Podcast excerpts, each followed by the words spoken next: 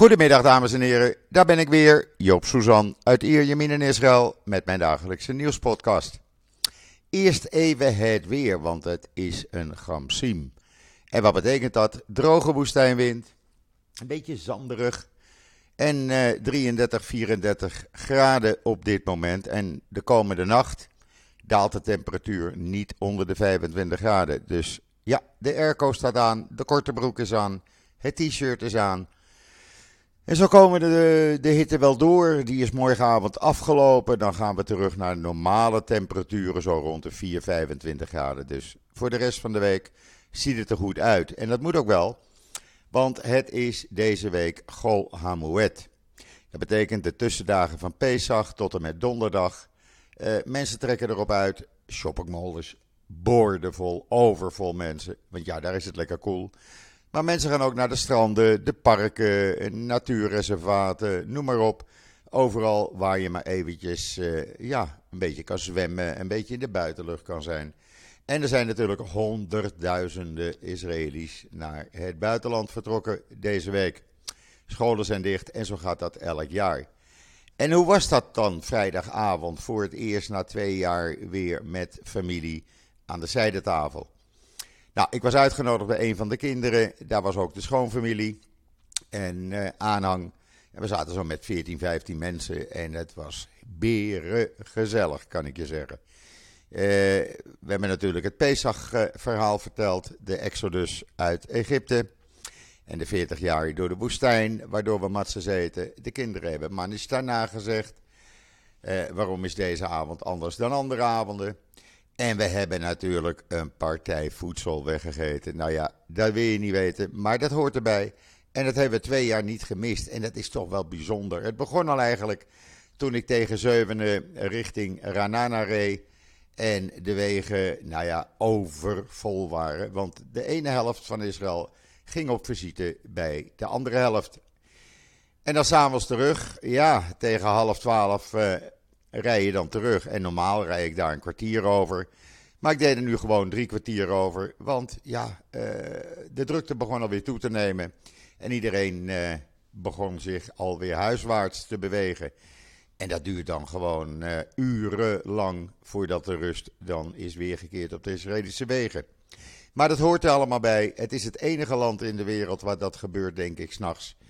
Uh, en het is fantastisch. Het is helemaal, uh, ja, het hoort bij de sfeer hier in Israël. En uh, dat hebben we twee jaar gemist.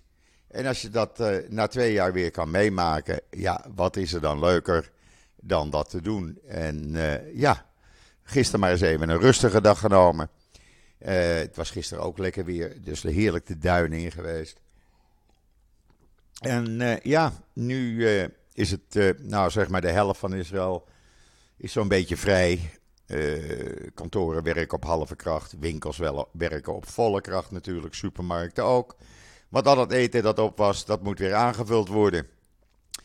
Ja, en dan uh, NuNL, daar ga ik maar eens eerst mee beginnen. Uh, NuNL die maakt er een gewoonte van om steeds meer anti-Israël te zijn. En steeds meer hun eigen verhaal te maken met ja, gegevens die een beetje ja, bij elkaar als een leugentje worden uh, uh, uh, neergeschreven. Want zeggen ze afgelopen donderdag, s'avonds in een artikel over de gevechten waardoor drie Palestijnen werden gedood door de IDF. Ja, hoe ontstond Israël nou? Nou, dat was eerst het Ottomaanse Rijk, dat klopt. Daarna kwam het Verenigd Koninkrijk, kwam Klopt ook. En dan zeggen ze, ja, en toen uh, begonnen de Joden in 1948 en dan riepen ze de staat Israël uit. Uh, ondanks pogingen van de Verenigde Naties om het gebied te verdelen tussen Joden en Arabieren. Nee, dat klopt niet. Want de Verenigde Naties had een motie aangenomen uh, in 1947, waarbij de Westbank aan Israël werd toegeschreven. En de staat Israël kon worden uitgeroepen in het gebied zoals uh, de Verenigde Naties had bepaald. Wat gebeurt er in 1948, 14 mei? De staat Israël wordt uitgeroepen, Jordanië valt de Westbank binnen en bezet de Westbank. Dat schrijft nu NL allemaal niet. Dan hebben ze het ook nog over oorlogen. Eh, dat Israël in 1967 een oorlog zou zijn begonnen. Waarbij 700.000 Palestijnen op de vlucht uh, gingen. Nee, die Palestijnen die vluchten. Er waren geen Palestijnen, laat ik dat vooropstellen. Palestijnen die zijn in 1964 door meneer Arafat tijdens een uh, toespraak in Tunis op de universiteit uitgeroepen als volk. Er leefden Arabieren. En die zijn in 1948 op advies van de Arabische landen uh, het gebied ontvlucht. Gedeeltelijk, niet allemaal, enkele honderdduizenden. Laten we maar zeggen, die 700.000. En uh, het advies was: gaan jullie even naar buiten, even vluchten uit het gebied. Uh, wij zorgen dat het allemaal goed komt. Wij beginnen als Arabische landen een oorlog tegen Israël en dan kan je weer terugkomen. Nou, dat liep dus anders af, maar dat vertelt nu NL allemaal niet. Die heeft het er dan over dat na de Zesdaagse Oorlog 700.000 Palestijnen op de vlucht gingen. Nou, dat gaat nog zo'n beetje helemaal door. Ze hebben niets over de oorlog van 73. Uh, ze hebben niets over uh, de terreuraanslagen. Ze hebben daar allemaal niets over. Nee, waar ze het wel over hebben, is dat Israël verleden jaar in mei uh, Gaza inviel. Nee, mensen, jongens en meisjes van UNL. Er werden, voordat de aanval op Gaza begon, waren er honderden raketten vanuit Gaza op Israël afgeschoten. Er werden rellen uh, georganiseerd tegen Joden in gemengde Arabisch-Joodse steden, zoals Lot en Ramla in Jeruzalem. Maar dat vermeldt NuNL allemaal niet meer. NuNL is gewoon een uh, onbetrouwbaar nieuwsmedium geworden. Onbetrouwbaar in ieder geval voor wat betreft het nieuws over Israël. Want wat zeggen ze nu bijvoorbeeld over de 14 Israëli's die bij terreuraanslagen om het leven kwamen? Nee, die kwamen bij vier aanslagen om het leven. En er zijn ook al 36 Palestijnen om het leven gekomen. Dat zeggen ze er maar even snel bij. Ja, eh, als je als nieuwssite niet onbevangen kan zijn, niet neutraal je nieuws kan brengen, dan heb ik er maar één woord voor. Nu en al, jullie zijn onbetrouwbaar. Jullie vertellen leugens. Jullie maken uh, de geschiedenis zoals jullie die denken dat die is, zonder de feiten daarbij ter hand te nemen. Ik moest dat er even uitgooien, want het klopt gewoon allemaal niet. En dan uh, COVID. Nou, de officiële cijfers zijn nog niet bekend, maar er waren de zaterdag in Israël zo'n uh, uh, 3123 nieuwe gevallen. En het percentage schommelde ergens, positiviteitspercentage, rond de 6%. Dus dat gaat de goede kant op. We zullen alleen zien uh, in de loop van deze week of de zijderavond iets, ja, een, een, toename laat zien van het aantal COVID-gevallen. Ik weet wel, bij een van de kinderen waar ik dus was, vrijdagavond, daar stonden de ramen tegen elkaar open. Dus die hebben alle veiligheidsmaatregelen genomen. En ook alle kinderen werden van tevoren getest. En dan uh, op israelnieuws.nl een heel artikel over experts die zich uitlaten of Israël het gasprobleem van Europa kan oplossen. Nou, dat kan. Uh, niet vandaag, niet morgen, maar in de komende paar jaar, 1925 zo'n beetje, kan dat wel. Uh, Israël heeft enorm veel gas. En uh, ja, dat gebruiken we niet allemaal zelf. Dus dat kan gewoon uh, naar Europa geëxporteerd worden. Experts laten zich erover uit. Lees het maar. Er moet alleen nog even een ondergrondse pijpleiding vanaf Israël via Cyprus naar Turkije of Griekenland worden aangelegd. Dat duurt uh, anderhalf, twee jaar. En dan kan het gas richting Europa stromen en hoeft Europa niets meer uit Rusland te importeren. En dan uh, de inflatie in Israël. Nou, die blijft vooralsnog laag. Uh, ik kan het ook niet helpen. Ik weet dat die in Nederland steeds hoger wordt. Hier was de inflatie in maart 0,6 procent. En over de afgelopen 12 maanden, maart 2021, 2022, 3,5 procent. Ja, ik kan er ook niet meer of minder van maken. Maar zo was de inflatie. Wat is er dan duurder geworden? Nou, dat zijn uh, kleding en schoenen met 4,6%. Het uitgaan, cultuur, entertainment 2,1%. Openbaar vervoer 1,6%. Maar ook uh, verse groenten en fruit werden 2,5% duurder. Uh, de rest werd allemaal lager, met uitzondering van de huizenprijzen, want die zijn in de afgelopen 12 maanden met 15,2% gestegen. Alleen al, alleen al in de periode januari-februari met 1,8%. En daar komt voorlopig nog geen einde aan, kan ik je zeggen.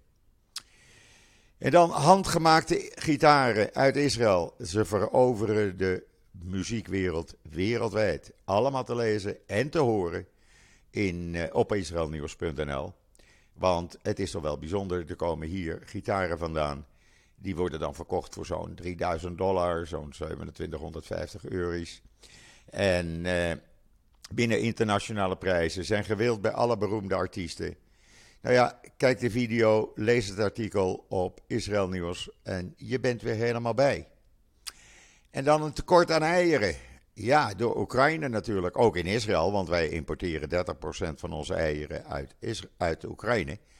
En uh, ja, die zijn er even niet. Maar niet getreurd, er zijn Israëlische bedrijven die uh, met uh, ja, plantaardige eieren komen. Ook dat is te lezen op israelnieuws.nl. En het schijnt zo te zijn, ze zijn in Nederland al beschikbaar. ook in Amerika, Engeland, maar er werd met name bij gezegd Nederland. Het is allemaal plantaardig. Er komt geen kip en haan aan te pas. lees het maar en kijk of je ze in de supermarkt of in speciaalzaken kan kopen. En dan het overige nieuws in Israël. Nou, de afsluiting van de Westbank en Gaza tijdens de Pesachweek die is alweer voorbij. Het is uh, rustig vanuit de Westbank en Gaza. Egypte heeft Hamas kunnen afhouden, zeggen ze, van het zenden van raketten naar Israël.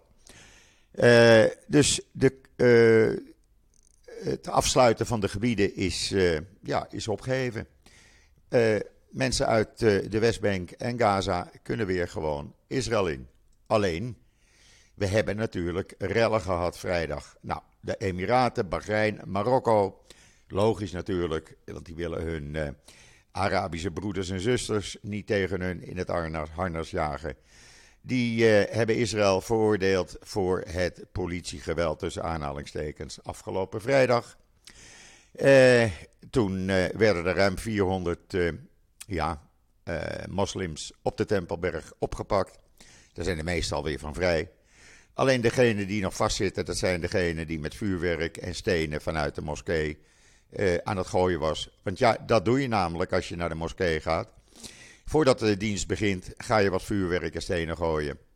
En nadat de dienst is afgelopen, doe je hetzelfde. Gelukkig was na de avond- of middagdienst, moet ik zeggen, vrijdag, de boel erg rustig. Alleen vanmorgen is het weer opnieuw begonnen.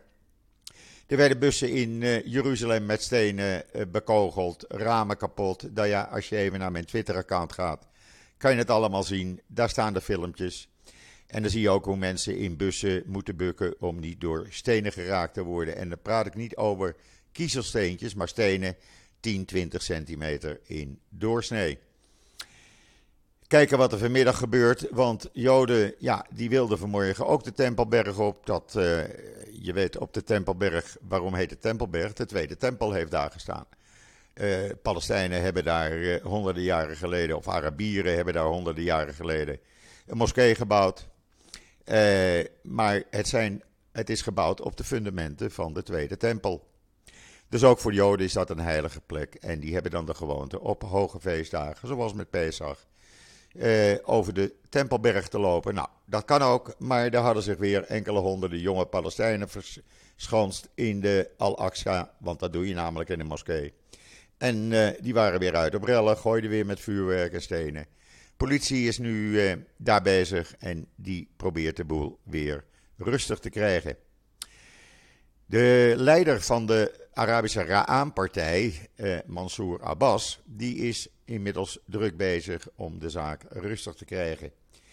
Hij zegt: Het is natuurlijk een rode lijn, politie op de Tempelberg. Maar ik doe er alles aan om te zorgen dat uh, die zaak weer tot rust komt. Nou, hij moet dat maar uh, proberen. Er zijn inmiddels zeven gewonden uh, in de bussen gevallen.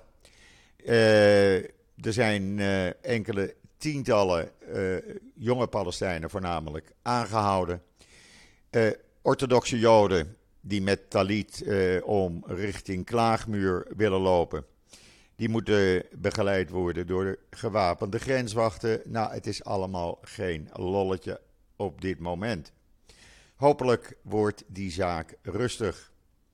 Ja, en dan hebben we Rusland nog. Die kwam gisteren opeens met enorme kritiek op Israël. En waarom? Omdat Israël verleden week voorgestemd had voor de motie om Rusland voorlopig uit de Verenigde Naties Mensenrechtenraad te zetten, de UNHRC. Ja, en dan zijn ze pissed off. En wat doen ze dan? Dan komen ze vanmorgen met een verklaring waarin ze zeggen dat zij bij Damascus verleden week een, eh, een van de Israëlische raketten hebben kunnen vernielen in de open lucht. Of dat zo is, niemand uh, die het weet. Maar ze beginnen opeens een beetje lelijk uh, tegen Israël te doen. Met name ook tegen Lapid. Want ja, het is een anti-Russische aanval wat Lapid heeft gedaan. En ja, die is nog niet klaar met de Russische leiders, werd erbij gezegd. Want zorgen jullie nou maar eens eerst dat dat Palestijns-Israëlische geschil wordt opgelost, zegt de adviseur van ene meneer Poetin. Ja, en dan was het natuurlijk uh, ook voor Joden in Oekraïne, of uit Oekraïne moet ik zeggen, die hier in Israël zitten, maar ook in de grensstreken van Oekraïne die gevlucht zijn. Die konden allemaal Pesach vieren. Hier in Israël had het ministerie van Immigratie voor duizenden gevluchte Oekraïners in 40 hotels door het hele land ruimte afgehuurd. Daar werd de zijdemaaltijd gevierd. In Polen, in Moldavië, uh, Joodse vrijwilligers organiseerden voor Joodse Oekraïners allemaal bijeenkomsten, zodat ook zij van uh, de Pesach, de start van de Pesach, konden genieten. Hoe mooi is dat? Alleen je leest dat niet in de Nederlandse kranten, je hoort het niet op het Nederlandse nieuws. Wat je ook niet zal horen in het Nederlandse nieuws is dat Iran bevestigd heeft dat de centrifuge-installatie die eerder dit jaar naar verluid, want Israël zegt daar verder niets over, door Israël zou zijn uh, geraakt en behoorlijk vernield, die heeft men nu naar een ondergrondse locatie verplaatst. En dat zou zijn gedaan met medeweten van de VN-waakhond voor atoomenergie. Want die hebben er zelfs camera's mogen plaatsen. Nou, hoe mooi is dat? Dat is toch geweldig. Dan kunnen ze gewoon kernbommen maken onder de grond. De uh, Verenigde Naties uh, die houden een oogje in het zeil dat het allemaal goed gaat. En met die kernbommen, ja, dan hoef ik je niet te zeggen wat ze willen gaan doen. Ja, en dan was er ook nog een, uh, een poging om in de nederzetting bij het El een terreuraanslag te plegen. Een 21-jarige Palestijn probeerde over het hek te klimmen. Hij werd op tijd opgemerkt door de beveiliging, opgepakt en hij bleek dus een mes bij zich te hebben. Gewoon om even wat Joden in die nederzetting gistermorgen neer te steken. Dat was zijn plan, vertelde hij. En in Haifa is gisteren een uh, Joodse man licht gewond geraakt nadat hij was neergestoken door een 15-jarig meisje. Maar wat gebeurt er nou? De vader van dat meisje had de politie gewaarschuwd van mijn dochter wil iemand neersteken of hier of in Jeruzalem. En die blijkt een voormalige informant, uh, een Palestijnse informant te zijn van de Israëlische veiligheidsdienst Shin Bet. Zijn dochter zit nu vast. De 47-jarige man ligt in het ziekenhuis. Is niet ernstig gewond, maar wel ligt hij in het ziekenhuis in de Rambam. Uh, hij had wat oppervlakkige verwondingen en daar wordt hij aan uh, geholpen. Die familie, die vader, die is met zijn gezin verhuisd van een dorp in de buurt van Tulkarem, wat tegenover Natanja ligt, zo'n 9 kilometer hier bij mij vandaan. En uh, die is verhuisd naar Haifa omdat zijn identiteit een aantal jaren geleden onthuld werd. En zijn leven dus gevaar liep. Nou, het toerisme dat begint ook weer langzaam aan te trekken in Israël. Er zijn voor de Pesach uh, zo'n 30.000 toeristen hier naartoe gekomen. Uh, ja, dat, dat is niet slecht. Dat gaat goed. Alleen een heleboel tourguides en toeristische organisaties. Die, ja, die zijn nog niet helemaal zeker dat dat allemaal goed gaat. Ook al omdat mensen een PCR-test moeten krijgen als ze bij aankomst aankomen hier op Ben Gurion Airport. Maar ja, goed, dat hoort er nou eenmaal bij. Uh, geen risico nemen. En ach, die PCR-test die is zo gedaan. Voordat je het weet, uh, is die achter de rug. En tegen de tijd dat je in je hotel of uh, waar dan ook bent in Israël, heb je de uitslag al binnen op je telefoon. Sneller kan dat niet. Ik heb vrijdag nog, ja, dat was nog een vroegertje. Om zes uur s morgens bracht ik een van de kinderen een gezin eh, met vier kinderen naar eh, het vliegveld. Want die zijn lekker een weekje met een koffer vol matzes naar Rodos gegaan. Nou, ik zou je zeggen, ik reed eh, rond 7 uur bij Terminal 1 op Ben Gurion Airport. Nou, nou, nou, het leek de Kalverstraat op zaterdag wel, om het zo maar eens even te noemen. En dan uh, de rabbijn van de Emiraten, die zegt uh, de plannen zijn akkoord. Er komt een volledige Joodse neighborhood, een, een Joodse wijk in de Emiraten. Met synagoges, met Joodse scholen, met Joodse restaurants, alles wat nodig is. Hij komt waarschijnlijk in Bahrein. er zitten nu al, of er wonen nu al permanent, ruim 2000 Joden in de Emiraten waarvan 500 zeg maar orthodox zijn. Dus dat gaat de goede kant op. En dan het uh, Israëlische veldhospitaal. Een van mijn lezers en luisteraars, Emily, die vroeg daarnaar. Nou, Emily, het is heel simpel. Het veldhospitaal voorlopig blijft dat draaien tot 30 april. En wat blijkt, 16% van de patiënten zijn echt vluchtelingen. En de rest zijn mensen uit de omgeving van Lviv in het westen van Oekraïne die gewoon uitstekende medische hulp willen. En die zeggen van nou, uh, we gaan lekker naar het Israëlische ziekenhuis toe, worden gratis geholpen. Hoe mooi is dat? Er zijn tot nu toe al uh, ruim 3000 mensen geholpen in het ziekenhuis. En dus zo'n 500 waren echte vluchtelingen. Uh, ja, en dan hebben we hier in Israël op dit moment zo niet alleen 24.000 uh, vluchtelingen uit de Oekraïne. Maar we zijn de 10.000 gevluchte Russen al gepasseerd die hier naartoe zijn gekomen. En dat worden er steeds meer. Het is te lezen in de Times of Israel. Joodse Russen zijn uh, het zat onder dictatuur van meneer Poetin te leven. Het is geen leven meer. Uh, vanwege de wet op de terugkeer kunnen ze zo naar Israël toe. Geen enkel probleem, zolang ze maar uh, één, minstens één Joodse grootouder hebben. En ja, mensen kiezen dus voor Israël. Nou, dan weet u dat ook weer. Dat brengt mij tot het einde van deze, ja, toch wel vrij lange podcast. Ik ga straks nog even lekker van het weer, weer genieten.